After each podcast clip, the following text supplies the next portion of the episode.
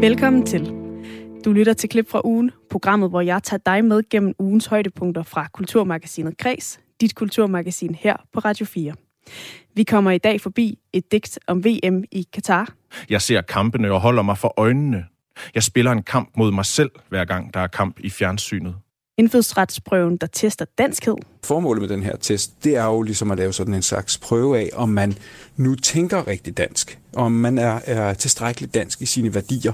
Og til sidst skal vi en tur i biografen og binde den gamle klassiker Pinocchio op på nutidens moral. Det var helt klart mere den her sådan øh, anti-autoritære, antikrigsfortælling, som, øh, som, som jeg tog med mig ud, ud af biografen. Det er ugens højdepunkter i Kulturmagasinet Kreds, som vi skal igennem over den næste times tid.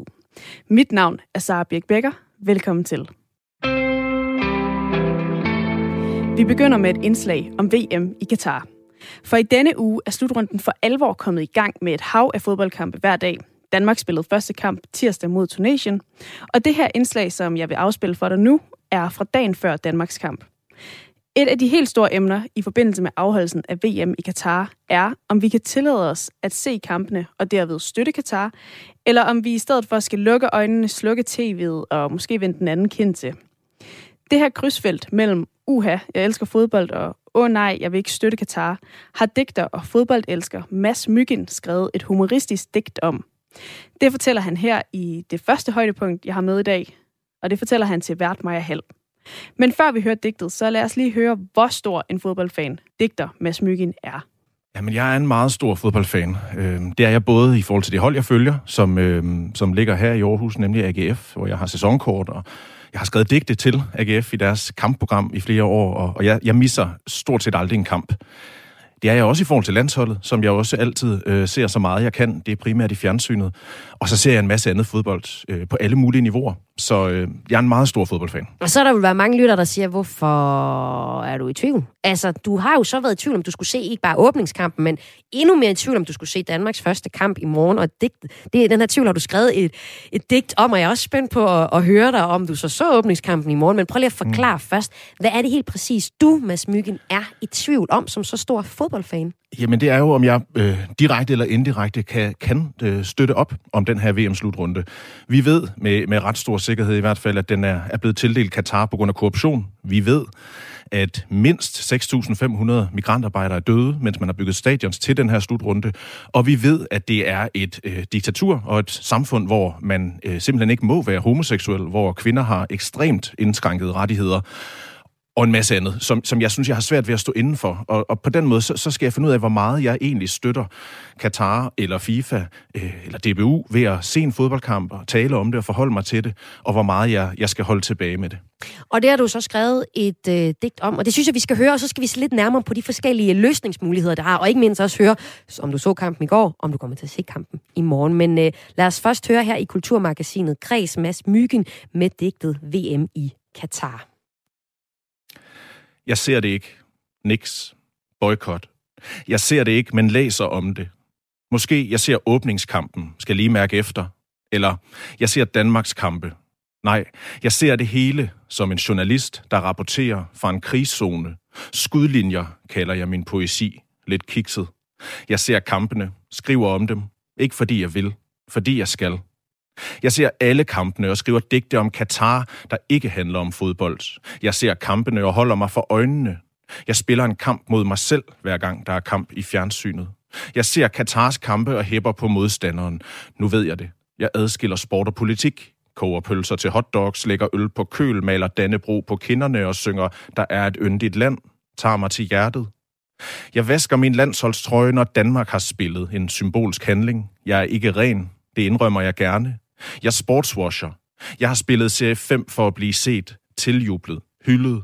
Jeg har haft skjulte motiver på knoldede boldbaner bag Katrinebjergskolen. En klar dagsorden om at fremstå som et bedre menneske, da jeg hættede til en blød bold i Røde Stjerne, da jeg vrikkede om i AA Tranbjerg, da jeg spillede mål til mål på en legeplads i Rosenhøj, jeg er gået for hårdt ind i en takling for at glemme tre ubesvarede opkald fra min bankrådgiver. Jeg har filmet mig til et straffespark for at forsøge at glemme et skænderi med min kæreste.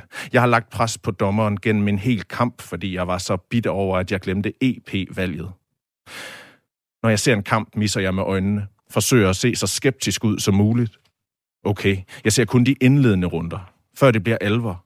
Nej, jeg holder mig til knald- eller faldkampene, når det skal afgøres. Jeg begrænser mig. Ser bare finalen. Nej, jeg må kun se med, hvis jeg buer hele vejen igennem. Jeg ser kampen et offentligt sted, hvor de alligevel bliver vist. Jeg stemmer med mit tv. Jeg vil ikke være et seertal. Jeg ser kampene med et pride-flag over skuldrene. Jeg printer FN's verdenserklæring om menneskerettigheder ud i A2 og klistrer den på mine venners tv-skærme. Tvinger dem til at se kampene gennem den. Jeg skriver et læserbrev til politikken hver eneste dag under slutrunden. Jeg følger VM på tekst-tv, på livescore. Hey, jeg ser kampene gennem mit nabos vindue fra gaden og sparer energi. Jeg ser kampene med min søn og ser kun på ham, der ser kampene. Forestiller mig, hvad han tænker. Jeg opretter et borgerforslag om, at dansk tv ikke viser VM, at det danske landshold trækker sig, at DBU skal undskylde offentligt, for at de ikke har været mere kritiske, mere tydelige. Jeg sender hate mails til DBU fra en anonym Twitter-profil Fuck DBU, John 1967 er mit navn. Jeg ser denne ene slutrunde, og så ser jeg ikke mere fodbold i år. Ind til næste VM, nej. Jeg ser aldrig fodbold igen. Men jeg stalker Sepp Blatter ved hans sommerresidens. Jeg opsøger Michel Platini i hans hjem. Jeg påkalder strømafbrydelser på alle stadioner under slutrunden. Risiko for lynnedslag i hver eneste kamp. Jeg planter en blomst for hver eneste stadion, der er bygget i ørkenen. En mælkebøtte for hver migrantarbejder, der er omkommet under byggeriet. En impala-lilje for hvert korrupte FIFA-medlem. Tusind tak for det. Her var det Mads Myggen med digtet VM i Katar. Et digt, man også kan finde i øh, fodboldkunsttidsskriftet Mål, hvor det altså er trygt, og som beskriver dine konfliktfyldte følelser omkring rigtig gerne at vi se VM i Katar. Du er kæmpe fodboldfan, og jo så også den konflikt, du føler i forhold til, at hvis du ser det, jamen så er du et seertal, så stemmer du faktisk på øh, VM-slutrunderne i Katar. Stemmer på Katar, stemmer op om Katar og de brud på menneskerettigheder, som har været øh, vist i det. Og nu skal jeg jo så høre. Mm. Åbnekampen i går, Mads Myggen. Så du den igennem din, din søn? Eller Jamen, øh, budede jeg, du af tv? Jeg tror faktisk, jeg valgte en, en model, som, jeg ikke, som ikke øh, var gennemtænkt, og som heller ikke står i mit digt, nemlig at jeg simpelthen prøvede at lade søndagen føre mig. Altså prøvede at lade øh, det, der ligesom ellers var på programmet, føre Det lyder mig. meget åndeligt. Ja, det lyder nemlig åndeligt, og vi, jeg var nede i Rigskov med min lille søn og, øh, og legede og tænkte på et tidspunkt, det er nu, jeg skal gå hjem, hvis jeg skal nå at være klar til klokken 17.00. Det tikkede i dig. Det tikkede jo i mig, ja. og alt var jo ligesom, jeg havde ikke nogen alarm sat, men den ringede alligevel inde i mig, og, og det vidste jeg godt, at det er nu, du ligesom må træffe en beslutning. Og så tænkte jeg, de her legehuse, og den her pind, som vi går og samler, øh, som min søn synes er sjov, måske skal jeg lade det føre mig. Jeg, jeg tænkte på at sige et eller andet med, at det var noget stort, det var træerne, der gjorde det, men det var måske noget mindre end mig, altså min, min lille søn, der faktisk fik lov at lege færdig. Og så kom vi hjem, og det var cirka midt i pausen, og så tænkte jeg, jamen nu ville det være oplagt, hvis jeg ikke skal sætte Arne Alligator på, og sætte en fodboldkamp på til mig selv. Mm. Og det, det ville jeg gerne, og så så jeg simpelthen øh, anden halvleg af åbningskampen i går. Og det var du faktisk rigtig glad for, at du gjorde? Ja, det var jeg faktisk, fordi øh, dels var jeg egentlig i, i mit meget barnlige sind glad for, at Katar tabte, for nu at sige det som det er. Men jeg var egentlig også glad for at få kommentatorer. Ja, for de gjorde det som første ja, gang. Så tabte de faktisk til åbningskampen. Det plejer ikke at være... Øh, Ja, det plejer ikke at være sådan. Nej, det, det, det kunne man måske godt se, at det var et hold, der, der spillede VM, fordi at de var værter for VM. Det bliver man automatisk kvalificeret til. De tabte 2-0 til Ecuador, og øhm, jeg var glad for at se det, primært jo fordi jeg fik faktisk noget viden, som jeg ikke ville få, hvis jeg sad og så det på et øh, ulovligt stream med en kongolesisk kommentator. Det var jo kommentator. faktisk din, øh, ja. den løsning, da jeg talte med dig her inden weekenden, ja. at det var nok det, du ville, fordi så ville du ikke være et seertal, som man på den måde bakkede et officielt, så ville du faktisk se det ulovligt. Nemlig. Men du valgte at se det øh, lovligt, og der fik du noget ekstra. Jamen, jeg, jeg fik jo det, at der sidder jo øh, Morten Brun, synes jeg er meget dygtig, troværdig øh, sportsjournalist og kommentator sammen med øh, en øh, ansat på TV2, Thomas Christensen, mener jeg, han hedder. Og de sidder jo på stadion i Katar. Så kan man sige, wow, så har de allerede øh, blåstemplet noget, eller lagt nogle penge dernede. Men de kunne også give mig noget viden for den slutrunde, for den kamp, som jeg ikke ville kunne se ellers. Nemlig, at øh, da kampen var ved at være slut, var der cirka tre fjerdedele af alle på det her kæmpe store, nybyggede, gigantiske stadion øh, udvandret. Mm. Fordi at der ikke er så stor interesse for fodbold, fordi Katar var bagud, og øh, fordi at der ligesom ikke var den der opbakning nødvendigvis, sådan dig har. Og det er ret sindssygt, at der er så mange, der går for det. Men det er jo noget, man ikke ja. kunne se, hvis man bare så det på et link. Præcis. Ja. Det, det, det handler så om, at man simpelthen beskærer, man laver et snit, når man viser det. Øh, og det er jo altså øh, ikke DBU, der viser det her, eller TV2. Det er der nogen inden for FIFA og så videre, der er ansat til at gøre, og de skal jo få det til at se ud som om, at det er den mest fantastiske kamp og slutrunde. Det skal de jo ikke altid, når der er VM. Så de lagde snittet lavere og lavere, og til sidst så var vi helt nede kun at se kampen. og kun at se øh, de Ej, det 22 var spillere, og Ja. ikke det her gigantiske nybyggede Ja. stadion, som altså rigtig mange mennesker er døde under øh, byggeriet af. Så, så man zoomede mere og mere ind for at vise, at øh, der er der dog 22 mennesker hernede nu på, på banen. Så Mads, du gjorde øh, god gammel, når man ikke ved, hvad man skal gøre, så gør man halvt det ene og halvt det andet. Eller vi kan også øh, tage, godtage din forklaring om, at man gjorde, du gjorde det, du følte lige var i nuet, og, og så tændte du for fjernsynet og så anden halvdel. Men det rigtig spændende er jo faktisk, om du tænder for fjernsynet i morgen, om du allerede har været ude og købe nogle, øh, nogle pøller. Jamen, jeg er endnu mere Så sikker du kan spise på... stadionspølser. Ja, ja når det, Danmark spiller i morgen. Jeg, jeg er endnu mere sikker på, at jeg kommer til at se Danmarks kampen. Øh, men, men det er jo også på en måde, som jeg aldrig har gjort før. Jeg har ikke nogen aftaler med nogen som helst øh, venner. Jeg har dygtige sportsjournalister som venner og fodboldfans osv., som jeg normalt vil se den kamp med, og med deres børn, og bygge den her fest op. Mm. Det kommer ikke til at ske. Altså, jeg kommer til at sidde alene, og tror jeg er meget skeptisk, og kommentere, og måske skrive på et digt, øh, eller tænke over, hvad jeg kan sige næste gang, jeg er i radioen. Altså, hvad jeg kan tale med mine venner om, øh, mine elever, når jeg er ude og undervise på højskoler. Altså, hele tiden have et eller andet dobbeltblik på det. Jeg vil gerne se kampen, og se, hvad den ender. Men, men jeg sidder også konstant og reflekterer over, hvad fanden er det her for noget? Og hvordan ser det ud på det stadion? Hvordan opfører de sig? Kommer der en demonstration? En eller anden aktivistisk handling på banen fra tilskuerne, fra vores hold? Der er masser, synes jeg, at være opmærksom på, som ikke bare handler om 4-4-2 over for 4-4-3. Ah, 4-3-3 dog. sagde digter Mads Myggen, der her var med og fremførte sit digt VM i Katar. Det næste højdepunkt fra denne uges kulturmagasinet Kreds handler om indfødsretsprøven. Ja, det er den prøve, der er sidste skridt på vejen mod det rødbedefarvede pas og et dansk statsborgerskab. Prøven kan tages to gange om året, og i denne uge var det altså eksamensdag for de godt 4.000 tilmeldte prøvetagere. Men hvad med alle os, der ikke tager prøven, men alligevel følger med i den her såkaldte danskertest? Selve prøven bygger på udenadslager af emner som dansk lov og orden, men der er også spørgsmål om den danske kulturhistorie. Og det kan være problematisk med sådan en opdeling af danske værdier, mener en forsker i danskernes værdier og lektor i sociologi på Aalborg Universitet, Morten Frederiksen. Han fortæller her i indslaget, at der faktisk slet ikke er danske værdier. Og så er komiker Masoud Vahedi med til at komme med et alternativt bud på en rigtig danskertest. Og det vil jeg lade vært Maja Hall præsentere yderligere. Jeg er dansker. Jeg har et dansk pas, jeg er født i Danmark, og føler mig sådan generelt set ret dansk. Men to gange om året, så bliver jeg lidt i tvivl. Fordi øh, når flere tusind hver år skal igennem den her indfødsretsprøve og svare på spørgsmål om alt fra EU-forhold til tv-serien Matador for at opnå det eftertræktede rubidefarvede pas og papir på dansk statsborgerskab, så har jeg for vane også lige at tage den her 45 spørgsmål lange tekst. Måske gør du det også. Jeg kan lige finde ud af, om man nu er en rigtig dansker. Øh, og jeg vil nok indrømme, at nogle gange kniber det med at nå igennem og svare på nok rigtige spørgsmål. For dem, der så rent faktisk går op til prøven, så består forberedelsen af at tykke sig igennem en 200 sider lang læremateriale, som Styrelsen for International Rekruttering og Integration har lavet under Udlændinge- og Integrationsministeriet. Her skal man både svare på spørgsmål om det danske retssystem, men så er der også nogle kulturhistoriske spørgsmål. Det er for eksempel øh, fokus på øh, forfattere som H.C. Andersen, arkitekt Bjarke Engelsk og Danefæde Solvognen. Altså, hvor lov og orden, det forstår jeg, det har et klokkeklart facit. Hvordan kan man så sætte kultur og værdier på formel? Det skal vi se på nu. Og jeg kan sige nu sige velkommen til dig, Morten Frederiksen, der er lektor i sociologi på Aalborg Universitet og forsker i danske værdier. Velkommen til. Tak skal du have. Helt grundlæggende, så vurderer du som forsker i sociologi, at det ikke er muligt at sige, hvad der er danske værdier, og herunder hvilken kulturhistorie, der er vigtigt. Hvorfor?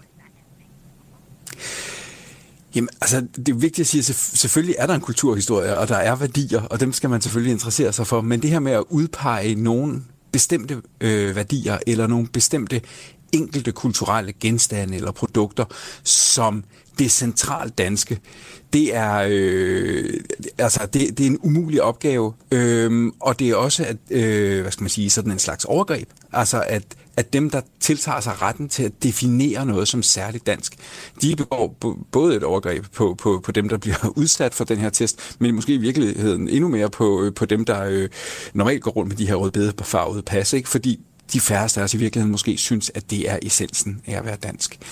Pointen er jo, at, at øh, der er ikke øh, der er ikke sådan en, en enhed, der er Danmark. Danmark består af en masse mennesker, og derfor så sådan, i forskningen, der taler vi aldrig nogensinde om danske værdier. Vi taler om danskernes værdier. Vi taler heller ikke om øh, dansk kultur som sådan en, en bestemt liste af ting. Det er jo noget komplekst og stort.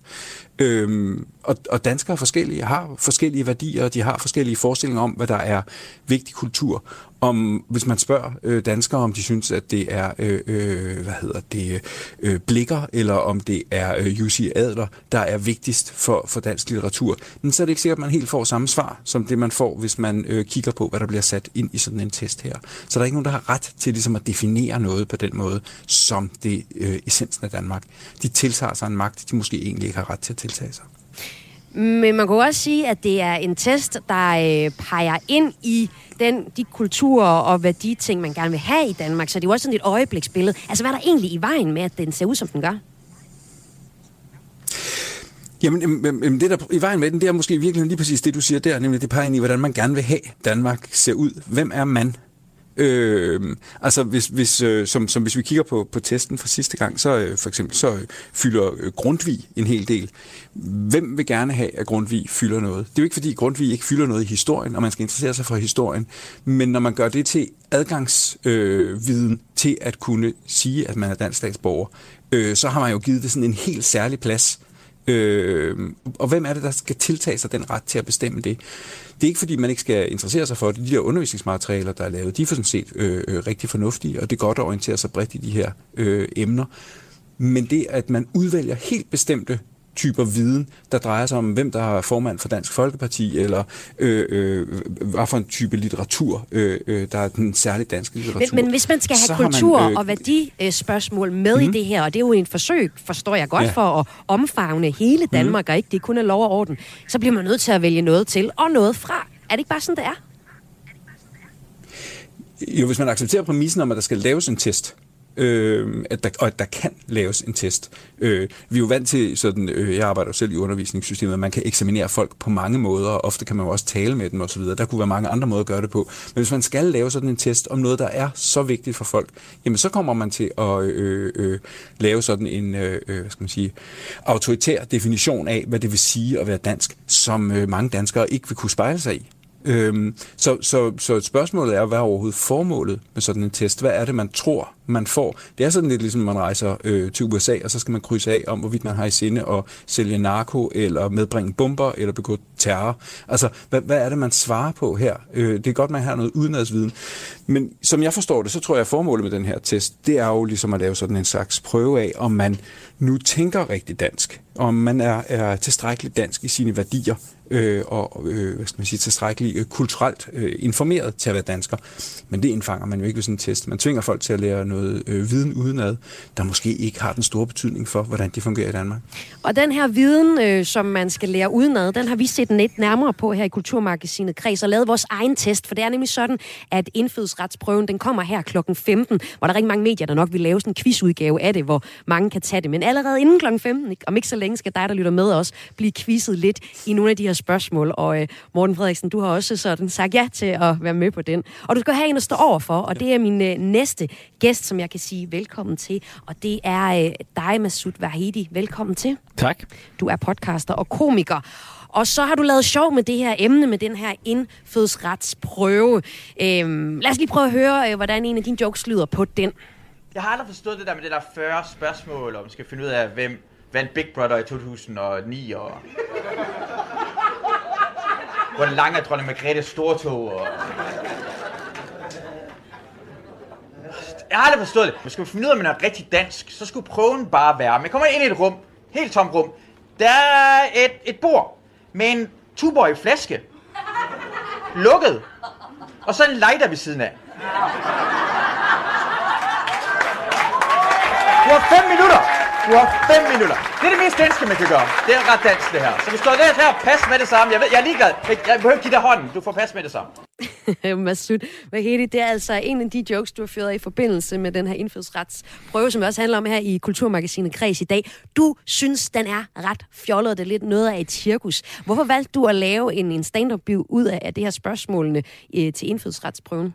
Øh, fordi det er sådan en, det er et spørgsmål, jeg hele tiden bliver stillet over for.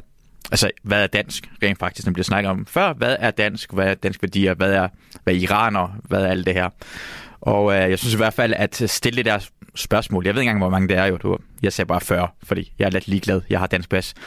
Øhm, ja, du er dansk statsborger har ikke taget den her test, men du synes alligevel showet omkring, at der er en test af fjollet. Hvorfor? Jamen, så, du kan bare omgå det. Altså, hvad, hvad er det, man prøver at gøre? Er det, prøver, er det fordi, man skal undgå det her folk, som vil gerne sådan undergrave Danmark? Så de skal nok undersøge det bedre. Altså, jeg ved ikke, hvad det egentlig går ud på. Øh, og jeg synes også, du var fjollet med det der med at give hånden, så hvis du, vil, altså, hvis du virkelig igen ville være, øh, altså, prøve at være en fjende af Danmark, så tror jeg ikke, du bliver stoppet med, at du siger, ej, jeg, jeg tør ikke give hånden. Altså, det, hvis du skulle til at tage den her øh, test, så ville du bare lære det udenad. Du, du tænker ikke, du får noget ud af det også. Det er alligevel 200 siders materiale, som er pensum. Åh, oh, men jeg, jeg tror godt, jeg kan klare den. ja, men vi, vi tester jo lige lidt, lidt senere. Ja. I den her joke, der siger du det her med, at en bedre måde at opnå dansk statsborgerskab mm. på, er ved at bevise, at man kan åbne en øl med en lighter, eller regne ud, at det er det, der skal ja. gøres, ja. Øh, som er det, der er ligesom essensen af den her joke. Hvorfor, øh, altså, på en eller anden måde, så skal der jo være noget for at opnå dansk statsborgerskab. Altså, hvorfor er den her med prøven så forkert? Altså, er det, mener du ægte, at, at det burde være noget lige så tåbeligt, noget andet? Jamen, jeg synes, det der med samtalen er rigtig god. Ja. Det, det, det var det før i tiden jo. Ja. Det er en samtale, du snakker med en person, ved, hvor de står Men kan man ikke også bare sige det rigtige der? Det kan man sagtens. Jamen, du kan ikke gøre noget i sidste ende, hvis du vil... Altså, det, vi kan ikke beskytte os 100%. Jeg ved mm. ikke, hvad man prøver at gøre. Jeg er meget enig omkring, hvad dansk... Altså, ja, det, jeg, har, jeg har bare sådan tænkt over det rigtig meget jo, fordi... Hvad er dansk... Altså, jeg har... Altså, øh, det er nogen, der vil jeg er ikke 100% dansk, fordi jeg bor i Danmark og ser, som, som jeg ser ud. Det gør ikke noget som helst. Mm. For Danmark er iraner, det gør ikke noget som helst. I udlandet er dansker. I mm. Iran er dansker 100%. Uh, men jeg, jeg bliver mindet om det hele tiden, for jeg bliver stillet og sådan, hvad har du gjort? Og det er sådan for eksempel, ja, hvis jeg laver for eksempel en flæskesteg, og den er altså med en sprødsvær. Jeg elsker flæskesteg, jeg elsker koldskål, jeg elsker øh, gløk. Det er ikke alle mine danske venner, der gør det. Men hver eneste gang, de ser mig elske det, er det bare sådan, som om de har set en, en bjørn øh, jonglere på en bold. Sådan, wow, prøv at se her, man kan lave flæskesteg. Sådan, ja, jeg kan bare godt lide det. Nå, men det er også vildere, fordi du får Iran.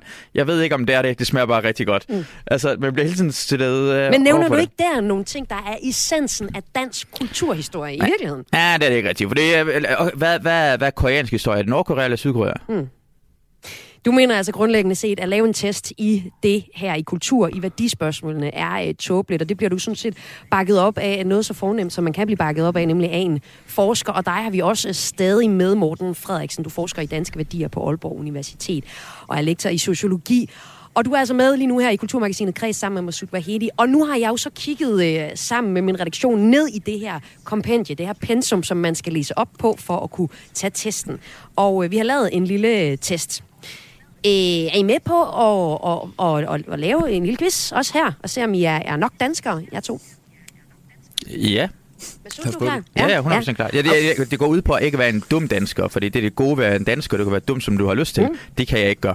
Okay. Nå, men lad os se, hvad I får ud af det her. Her har vi tre, og I skal bare svare hurtigt på det. Og dig, der lytter med, du er selvfølgelig velkommen til at quiz med, men der er ikke andet end æren og titlen er at svare rigtigt. Det første spørgsmål, det er, Riddersalen på Christiansborg er udsmykket med 12, 17 øh, store gobelinger, altså vægtæber, som fortæller Danmarks historiens gang tilbage fra vikingetiden og frem til vores tid.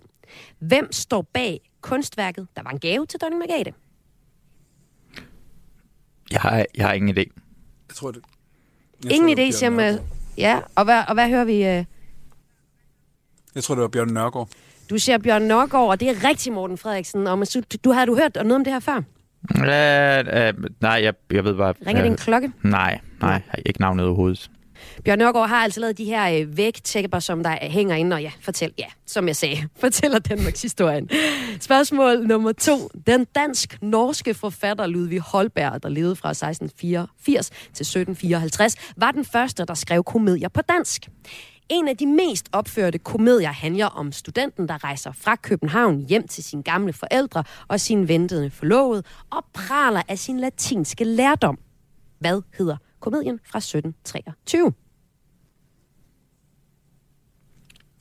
Erasmus Montanus. Lyder det her fra Morten mm. Frederiksen, og det er også rigtigt, Masud Vahedi. Siger det der noget her? Uh, jeg har hørt øh, øh, navnet. Jeg har hørt også rigtig meget omkring, han har stjålet ligesom næsten alt øh, dansk kultur, som Dirk Passer og dansk musik også blev stjålet, så jeg har hørt, at han stjal i 1700-tallet. Ja. Så derfor har det ikke rigtig interesseret mig. Nej, okay. Jamen, det er også noget gammelt noget, det her. Ja, men jeg, det er stjålet, for det er ikke en dansk ting, de har fundet på. Det er, han har stjålet fra andre folk, han har set udlandet. Ja. Nu kommer vi op til øh, i den grad nyere tid. Hvilket band var Kim Larsen forsanger for? Øh, gasolin. Det er rigtigt, Masoud Wahedi. Så blev det altså 2-1 øh, 2-1 til Morten Frederiksen, lektor i sociologi på Aalborg Universitet. Du har dermed bevist, at du har siddet lang tid og studeret, og også kan svare på de her spørgsmål. Eller hvad? Føler I jer mere dansk af? Altså, føler Får du jeg dig mere dansk? pas? Ja, jeg får du et ekstra pas. Føler du mere dansk af at kunne svare, svare på to ud af de tre af de her lidt tilfældige spørgsmål, som vi har lavet her i Kulturmagasinet Græs? End før, Nej. Morten. Det, det, det gør jeg ikke, det må jeg, det må jeg sige. Ja. Det, øh, det, det, øh, det, det, knytter ikke rigtig an til det, jeg identificerer ved at være dansk. Nej, synes du, det understreger din pointe om, at man ikke kan lave spørgsmål i dansk kulturhistorie, danske værdier? Ja, det synes jeg, det gør. Jeg synes, det viser, at det er sådan lidt tilfældigt. Og jeg synes i virkeligheden, både testen med lighteren og øllen og øh, de her spørgsmål om øh, reality show er lige så relevante og lige så gode til at indfange Ja, øh, ja. kernen af et land, som, som de her andre spørgsmål. Jamen, jeg tænker da, at, øh, at øh, Masoud Wahedi, du kan jo sende øh, i forslaget med lighteren og øllen ind. Altså, det er da, om ikke andet, en, en lidt god humor Tak. på øh, kontoret. Tusind tak, fordi I var begge to var med her, lektor i sociologi og forsker i danske værdier på Aalborg Universitet, Morten Frederiksen. Og øh, også tak til dig, komiker og podcastvært Masoud Wahedi. Tak. Der var tilmeldt lidt over 4.000 til at tage indfødsretsprøven i den her uge. Du kan selv teste din egen danskhed nu. Indfødsretsprøven er nemlig blevet offentliggjort på Styrelsen for International Rekruttering og Integrations hjemmeside. Og så må du altså se, om du kan blive dansker. Jeg kan røbe, at man blandt andet skal svare på det ultrasvære spørgsmål om, hvilken dansker, der i år vandt Tour de France. Og så siger jeg ikke mere end det. Det må du selv finde ud af. Du lytter til klip fra ugen, der er ugens højdepunkter fra Kulturmagasinet Kreds her på Radio 4. Vi skal nu til et indslag, der handler om gode gamle Pinocchio. For mange af os husker nok Pinocchio fra Disney-filmen med lille Jesper Forkylling og søde gamle Geppetto. Men nu sætter filminstruktør Guillermo del Toro filmklassikeren i et nyt og måske faktisk gammelt lys. For den originale opdragende børnebog fra slutningen af 1800-tallet er langt mere voldsom og dyster end Disneys version. Og mere mørk er Guillermo del Toros Pinocchio også. Om det er Disney eller Toto, så er moralen den samme. Du skal opføre dig ordentligt og adlyde dine forældre. I det her klip tager vært Maja Hall fat i filmanmelder Rikke Bjørnholdt Fink og teaterinstruktør Martin Nyborg til en snak om, hvad moralen egentlig er i de her forskellige versioner af Pinocchio.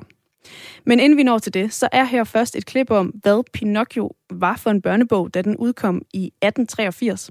Her er det professor i børnelitteratur ved Aarhus Universitet, Nina Christensen, der forklarer, at den har forbindelse til genren ulykkeshistorier, hvor moralen er tung.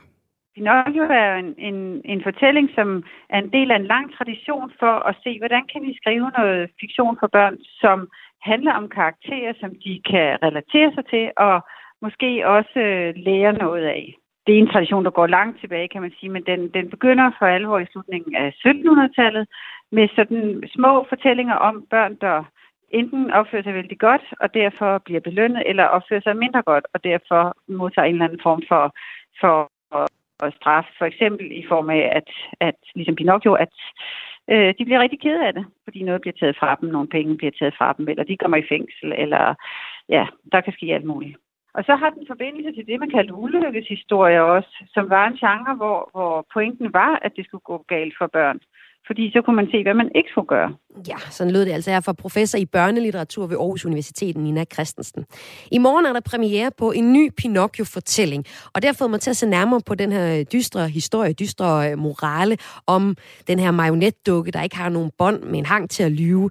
Hvad er moralen i historien, som er interessant, siden at den er blevet fortolket så mange gange, og nu igen her i 2022, faktisk inden for de sidste tre måneder to gange, der øh, Disney har lavet sådan en live-action udgave af deres øh, 1900 2040-version. Og så er der i danske biografer for i morgen premiere på Guillermo del Toros Pinocchio. Og den har du set, Rikke Bjørnhold Fink. Velkommen til dig. Tak for det. Du har netop anmeldt Del Toros øh, Pinocchio til filmmagasinet Eko, og du har givet den 5 ud af 6 stjerner, så jeg tænker, at du, er kan se nogle, nogle gode perspektiver i moralen i den her historie, som vi skal ind på. Men først vil du så ikke lige fortælle mig om, hvad er det sådan overordnet for en fortælling, man øh, får, hvis man går i biografen i morgen for at se Del Toros Pinocchio? Øhm, jo, det vil jeg meget gerne. Altså, jeg kan måske starte med at sige modsat den gamle Pinocchio. Jeg ved ikke, om det var sådan en, jeg vil hive min øh, syvårige med ind og se øh, deres... Øh, Altså Disneys. ja, øh, Den, som du lige har genset her til formiddag, jo. Ja, Ja. ja, lige præcis. Men jeg, jeg, øh, den, den er ikke for lige så små børn, det tror jeg, jeg vil starte med at sige, øh, før folk øh, får købt alt for mange biografbilletter. Men øh, det er en historie om Geppetto. Ham kender vi, han er træskærer, bor i en lille italiensk by, øh, har en søn, der hedder Carlo, som øh, dør under et øh, bombeangreb i Første Verdenskrig. Øh, ved hans grav, så planter han så et fyretræ, og så går han i øvrigt øh, helt i hundene, øh, giver sig til at drukne sin sorg i vin, og gør det sådan de næste, det ved jeg ikke, 20-25 år, mens det her træ vokser så stort. Og så en dag, hvor han er meget, meget fuld og meget, meget desperat, så fælder han træet og giver sig til at skære en ny søn. Og det er så det, der bliver Pinocchio, så ender det med, at øh, skovens ånder får ondt af ham og, øh, og vækker den her lille træfigur øh, til live. Så øh, det bliver meget sådan en historie om, at Geppetto også skal, skal lære noget med, at at alle børn ikke er ens, og selvom han har fået Pinocchio, så kan han jo ikke være den søn, han har mistet også, men er også nødt til at være, være sit eget barn på en eller anden måde. Ja, allerede her, så er der jo faktisk mere end som så på spil, fordi jeg så øh, også filmen, fik lov til at se den i går aftes, og der er det også den der overlæggende, du skal huske at gøre, som din far siger, som sådan er den moral, der står sådan skarpest tilbage, hvis man ikke sådan skal begynde at fortolke en masse i den her historie. Vil du ikke give mig ret i det? Jo, helt bestemt, men jeg synes også, at, at der, der er jo en, en far, der virkelig er fejlbarlig, og som faktisk også er ret grov ved Pinocchio i starten, da han er blevet vagt til live. Ikke? Så, så der er jo også sådan en meget, meget menneskelig historie om, at, at forældre ikke bare er godheden selv, og ikke altid er så meget forældre, som, som de burde være, men nogle gange lige skal bruge noget, øh, noget tid på at rejse sig fra modgang og sådan noget. Ikke?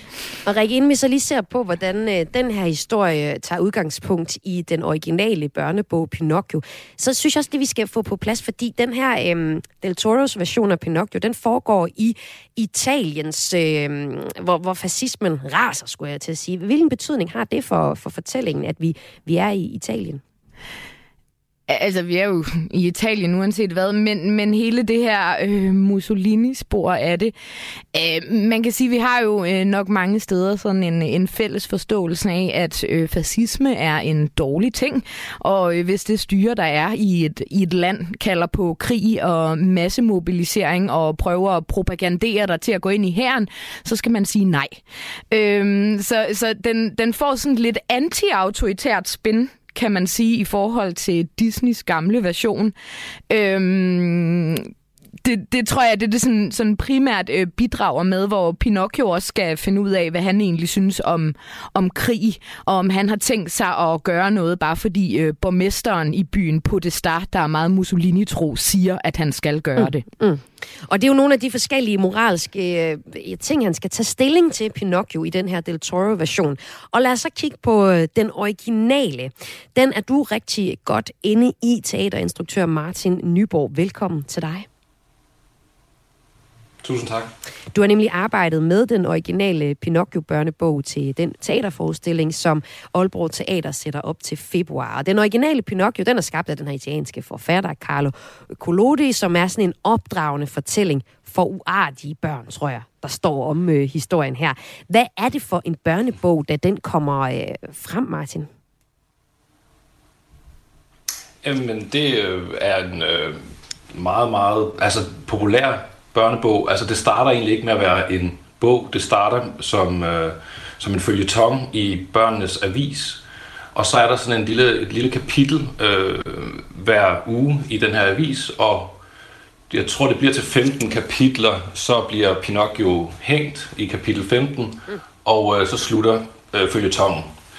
Øh, det accepterer læserne så bare ikke, så de vil gerne have en fortsættelse, og så bliver det til 36 kapitler i alt, som er altså det er en gedigen lang, øh, øh, langt eventyr om Pinocchio, hvor han kommer igennem alle mulige prøvelser, som, som er beskåret i mange, mange forskellige versioner, men, men som altså i sin helhed er sådan, øh, ja, bare ut, utrolig lang og, og utrolig hård for ham, utrolig brutal.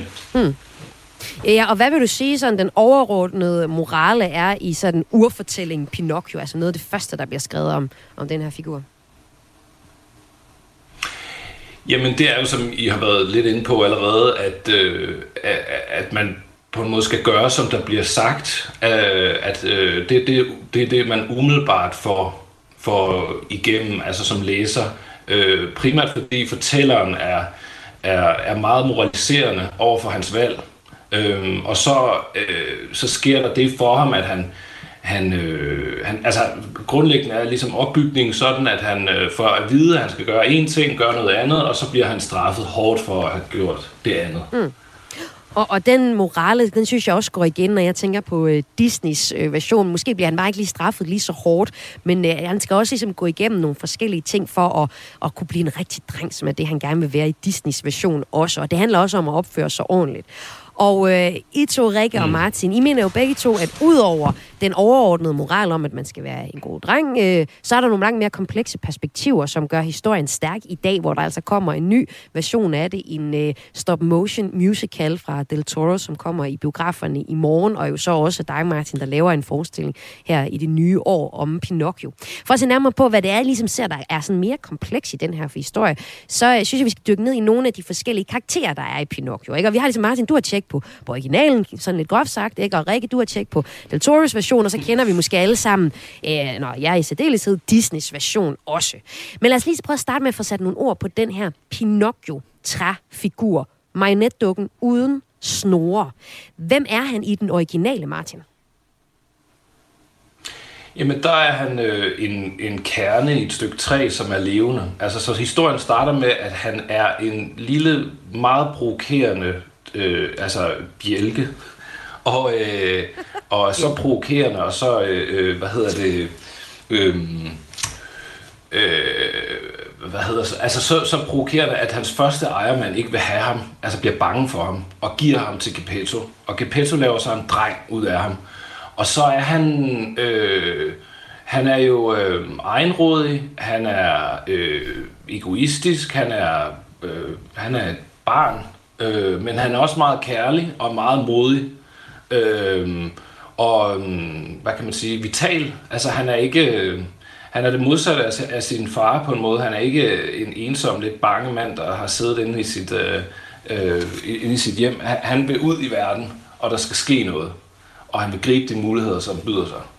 Og i en lidt mildere version, så lyder det jo også lidt som Disneys version, men egentlig synes jeg, at vi her får beskrevet ret meget den Pinocchio, man møder i Del øh, Toros version af Pinocchio. Hvad siger du, Rikke, til Pinocchio her? Jamen, det synes jeg egentlig på mange måder, man gør. Altså, jeg synes, i, i Disneys øh, starter han jo sådan måske en lille smule impulsstyret, men der er ikke langt fra start Pinocchio til slut Pinocchio. Mm. Øh, jeg synes, øh, mange af de ord, der blev sat på før, egentlig også beskriver øh, Guillermo del Toros øh, øh, Pinocchio her. Øh, han, har jo, han har sådan et ret sjovt design, fordi han jo sådan skal forestille sig at være skåret ud af hans far, mens han var rigtig, rigtig fuld. Så han ser meget sådan halvfærdig ud øh, i sådan øh, træ arbejde, så har han et hul bryst, hvor at uh, Jesper Forkylling, eller Sebastian Forkylling, som han hedder her, sådan bor inde i, mm. og stikker der søm ud alle vejen, og han har kun et øre, og ser sådan lidt skør ud. Og i kirken, der tror de også, at han er en dæmon og sådan noget. Men, men han har meget sådan, øh, hvad skal vi sige, sådan moralkompas som et, øh, som et meget lille børnehavebarn. Sådan tror jeg egentlig, jeg synes, det meget var sådan, hvis han får lyst til noget, så gør han det en til en. Øhm, og det, øh, det er jo det er jo meget sødt. Øh, det er også en lille smule irriterende. Men så er der sådan lavet lidt bedre plads end i Disneys version, til han ligesom kan udvikle sig til denne her sådan samvittighedsfulde, øh, gode, modige dreng. Men sådan den der øh, eventyrlyst og øh, sådan Ja, sådan meget, meget kort fra tanke til handling. Det tror jeg, øh, versionerne har, øh, har til fælles. Mm, mm. Og ja. nu nævner du så øh, forkyllingen her mm. som hedder Jesper i Disneys version, og vi har, vi har en forkylling, der i hvert fald er i de forskellige versioner også, og som bor inde i øh, Pinocchio. Han får en opgave. Hvad er det for en, Rikke? Jamen, han får ligesom øh, øh, opgaven om at, øh, om at lære øh, Pinocchio at, at kende øh, rigtigt fra, fra forkert.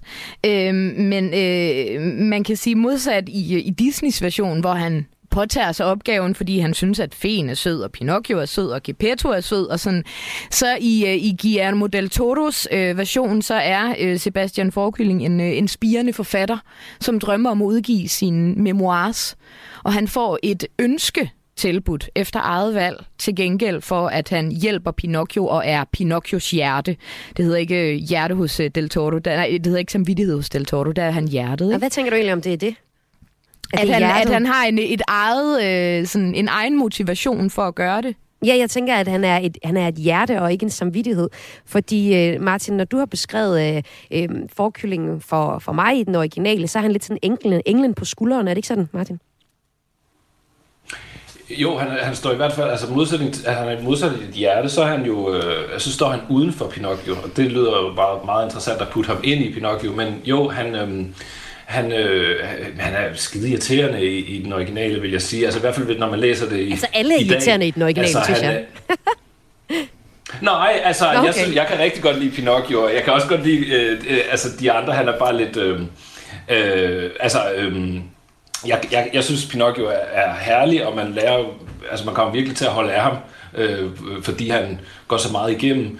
Men forkyllingen er, er øh, bedrevidende og, og, og altså ekstremt moraliserende. Mm. Så, så sammen med, med, med for, øh, fortælleren, så spiller... Øh, øh, forkyllingen en noget anden rolle, vil jeg sige, end i Disneys. Altså øh, forsøger at få ham til at opføre sig pænt, og siger, at det han gør er forkert, og nu kunne du se, at det du gjorde der var forkert, og øh, du skal, altså, du, det kommer til at gå dig ilde, når du gør sådan og sådan. Altså, og så slår Pinocchio ham så ihjel mm. i den originale. Ja. så vi også er noget anderledes, end det er i, i Disneys version. Ja, jeg tror, man kan sige hos Del Toro, det der med, at han er hjerte der, han kommer nærmest en lille smule tættere på at være sådan en form for...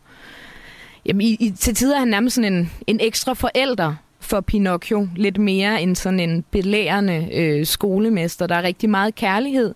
Og det er jo også øh, for eksempel Jesper Forkylling, der øh, tager på sig og i rettesætte Geppetto på et tidspunkt i Del Toros version. Og sige, nu tager du dig simpelthen sammen. Du har mm. fået en chance nummer to for at have et barn gider du godt lige få, øh, få snotten op og se, hvad der står lige foran dig. Ikke? Øhm, så jeg tror, man har, jo, man har jo sådan på en eller anden måde givet ham sådan lidt mere sådan humanitet, og siger med, at han har sin egen motivation for at gøre, som han gør, og jo, jo, jo egentlig primært gør det her for at få sit ønske opfyldt og få udgivet sine memoirer. Men, men hvis man nogensinde har set et eventyr før, så kan man måske også godt regne ud, at han måske også selv skal gennemgå en udvikling, og måske skal ende med at bruge det her ønske på, på noget andet. Ja, Rikke, du siger udvikling, og det ved jeg også er noget af det, du synes er stærkest ved Del Toros version af Pinocchio. Det er, at karaktererne udvikler sig rigtig meget. Vi får, der er mange bikarakterer, vi får mange ting at vide om dem, men de giver faktisk også mening. Og noget af det, øh, du har fortalt mig, det er særligt øh, farfiguren her, Geppetto, som du synes står ret stærkt. Prøv lige at forklare, hvem er han i Del Toros øh, version af Pinocchio? Jamen, han er jo et, et rigtigt menneske, altså som jeg også har, har, har sagt før, så mister han jo en søn i starten af filmen, og har meget, meget svært ved at, at finde ud af, hvordan han skal leve sit liv øh, derefter. Og får jo så ligesom Pinocchio, der bliver vagt til live øh, for ham, men som han er sådan altså meget afvisende over for i starten, og også meget grov over for, selvom han jo egentlig er den eneste, der, der kan have ansvar for Pinocchio. Han er jo hans, så på den måde, så er han jo efter alle parametre et, et barn til ham. Ikke? Øhm, men, men hvor Geppetto så på et tidspunkt så begynder at tage Pinocchio til sig, men så er der jo så desværre allerede nogle andre, der har fået planer med, med Pinocchio. Øh, og hvor han i Disneys version, Pinocchio jo bliver fristet til at tage øh, med cirkuset ud. Ikke? Så i øh, Del Toros version, så tager Pinocchio faktisk ud og, og optræder med det her teater også, fordi at så kan han sende penge hjem til sin far, øh, og måske på en eller anden måde øh, få noget accept. Mm. Øh, og der er også noget med en gæld og sådan noget, men ja, der, Der er han faktisk langt mere sympatisk, Pinocchio-figuren, end han var for mig, da jeg kan huske at se Ja. øh, Disneys version, hvor, han er, hvor det griskhed, der er, er på spil for ham øh, i, øh, i den. Altså, at han vil, han vil have nogle penge, han vil have noget berømmelse og fame i, øh, i den der Disney-version, tænker jeg. Ja, el- eller også han bare for øh, øh, sådan øh, naiv. Altså går jo mm. med, med Mikkel From, fordi han siger, det skal du, og det er rigtig godt, og det er bedre end at gå i skole, det her. Øhm, ja, man kan sige, Pinocchio er også meget en historie om at lære sådan at, at sortere i, øh, hvor informationer kommer fra, i forhold til, om man skal lytte til dem. Og det, det synes jeg egentlig stadig er, er en historie, der er meget relevant øh, i dag. Ikke? Ja, hvad siger Pinocchio-historien også i 2022, hvis du skulle se det, når du som filmanmelder har set øh, øh Del Toros version af Pinocchio, Rie Bjørnhold Fink? Jamen, øh, ja, jeg, jeg tror, jeg synes, det der... Øh, med, at øh, der er, hvad dine forældre siger, der er, hvad, hvad staten siger, der er, hvad øh, dine griske arbejdsgivere siger, der er, hvad den lokale borgmester siger, der er, hvad kirken siger, øh, og det er ikke nødvendigvis det samme. Og øh, det er jo sådan en besked om, at man jo også på en eller anden måde er, er nødt til også at udvikle et, et personligt kompas i forhold til, hvad der er rigtigt og hvad der er forkert. Og det er ikke altid dem med, med mest autoritet, som, øh, som har ret. Og jeg synes i en tid med, ja, det ved jeg ikke, meget øh, sådan øh, modstridende information på alle mulige punkter, men jo i øvrigt også øh, øh, krig i, i Europa, den største massemobilisering siden 2. verdenskrig, øh, øh, omkring Ukraine. Det, øh, der synes jeg også, at det er en, en besked, der er relevant, at man skal ikke, man skal ikke lytte til folk. Øh, bare fordi, at, at de ligesom har de største guns med. Ja, det lyder som en fake news-fortælling, øh, Pinocchio, når du beskriver det sådan her, Rikke. Jeg tror, den, den, det tager jeg en lille smule med fra den, når jeg sidder ja. og tænker rigtig meget over den, men det var helt klart mere den her sådan øh, anti-autoritære, anti-krigsfortælling, som, øh, som, som jeg tog med mig ud, ud af biografen. Ja, så kunne jeg jo godt tænke mig at høre dig, øh, teaterinstruktør Martin Nyborg. Det er jo også en, en, en, øh, en fortælling, der er øh, for, altså blevet fortolket som netop en anti-autoritær fortælling. Historiker Susanne Stewart Steinberg ser ifølge Information Pinocchio som et billede på Italiens ønske om at forme en fælles national identitet i befolkningen fra monarkiets øh, konstituering i 1861 til fascismens indtog. Altså sådan noget, nu skal vi lave italiener, nu har vi Italien, Italien. At det er sådan, at den der, taber ind i den der fortælling fra samtiden. Men altså, hvad er det for en øh, fortælling, du ser i Pinocchio, der står så stærkt, at du har lyst til at lave et teaterstykke øh, med udgangspunkt i den nu? Jamen, det er jo, at det er en fortælling om at, at være et menneske, og hvis du skal blive et menneske, så skal du træffe dine egne valg, øh, og det synes jeg er, er stærkt, og det vil jeg gerne øh, snakke, med de, altså, snakke med de børn om, som kommer og, til Aalborg og ser forestillingen, at, at du kan altså, alternativet havde været, at Pinocchio havde lyttet til forkylling, lyttet til sin far, og lyttet til de stemmer, som, øh, som, som er omkring ham. Øh, og så var han vel blevet en lille, øh, hvad kan man sige, en lille pæn dreng, så, øh, uden så meget vilje. Altså, han var aldrig blevet, han er aldrig blevet af kød og blod. Øh, det han gør, er, at han, han går ud i verden og ud i livet og, og slår sig, øh, øh, men også øh, bliver i stand til at træffe sine egne beslutninger, som han forstår, og deriblandt at redde sin far ud af valens bu på et tidspunkt, hvor han er øh, indespærret og dybt deprimeret og tænker, jeg kommer aldrig ud, det kommer aldrig til at lykkes. Der tager Pinocchio ham i hånden og bliver far for sin far på en måde øh, og redder ham. Og det synes jeg er øh, enormt øh, stærkt. Det er enormt stærkt at se ham stå i alle de situationer øh, og klare den. Ja, så her er det jo sådan set øh, lige så meget en fortælling om at finde sig selv, end som den der over, den overliggende øh, moralske historie om, at du skal opføre dig ordentligt. Den udfordrer du faktisk lidt i din øh, fortolkning af den, Martin Nyborg. Ja, helt sikkert. Altså, det, altså, jeg tror, det jeg godt kunne tænke mig, det er bare at, at flytte POV'et en lille smule øh, altså hen til Pinocchio.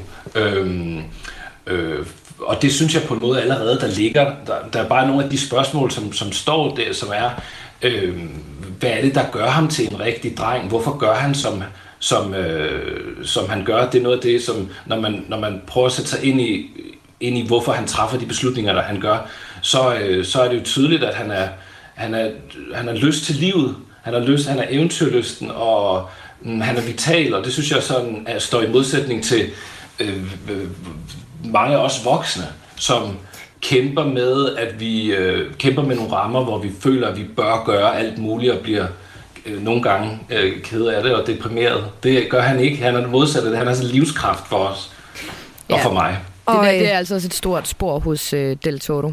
Og begge ja. Del Toro's version, den kan man jo se i biografen i morgen, altså Guillermo Del Toro, og fra, på Netflix kan man se den fra den 9. december. Og øh, Aalborg Teaters version, den kan man jo så se til februar. Tusind tak, fordi at du, Martin Nyborg, altså teaterinstruktør, øh, var med til at sætte ord på, hvad du får ud af Pinocchio-fortællingen. Også tak til dig, filmanmelder Rikke Bjørnholdt Fink. Tak. Det var filmanmelder Rikke Bjørnholdt Fink og teaterinstruktør Martin Nyborg, der her talte med om Pinocchio med vært Maja Hall. Hvis du har lyst til at give dig i kast med Guillermo del Toro's version af Pinocchio, så kan den ses i udvalgte biografer netop nu og på Netflix fra den 9. december. Og i anledning af, at det snart er jul, og at nedtællingen til juleaften snart er i gang, vil jeg lige spille et lille nummer for dig her til sidst. For Jesper Forkylling, som vi lige hørte lidt mere om her i historien om Pinocchio, han er konferencier i Disneys juleshow, der bliver vist om eftermiddagen den 24. december til de utålmodige sjæle. Her får vi lige sangen Når du ser et stjerneskud af Bjørn Tidemand, der er den danske stemme bag Jesper Forkylling. Når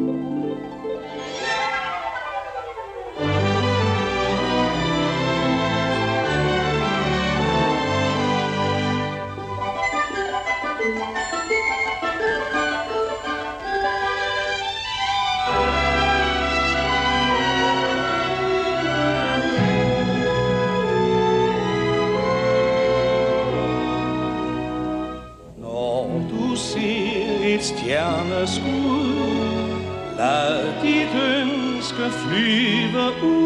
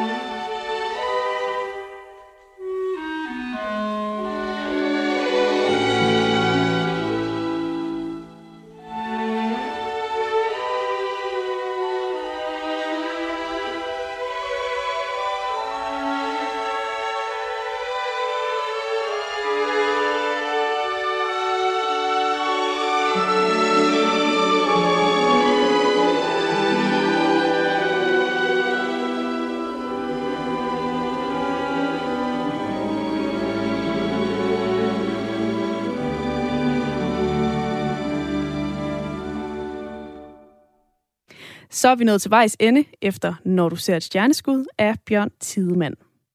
Det var fra alle os på Græs-redaktionen til alle jer derude. Det var de her tre klip, jeg har plukket fra Kulturmagasinet Græs den her uge. Husk, at du kan lytte med til alle Græs-programmer i Radio 4's app. Du har lyttet til klip fra ugen fra Kulturmagasinet Græs her på Radio 4. Mit navn er Sara Birk Becker. Tak for, at du lyttede med.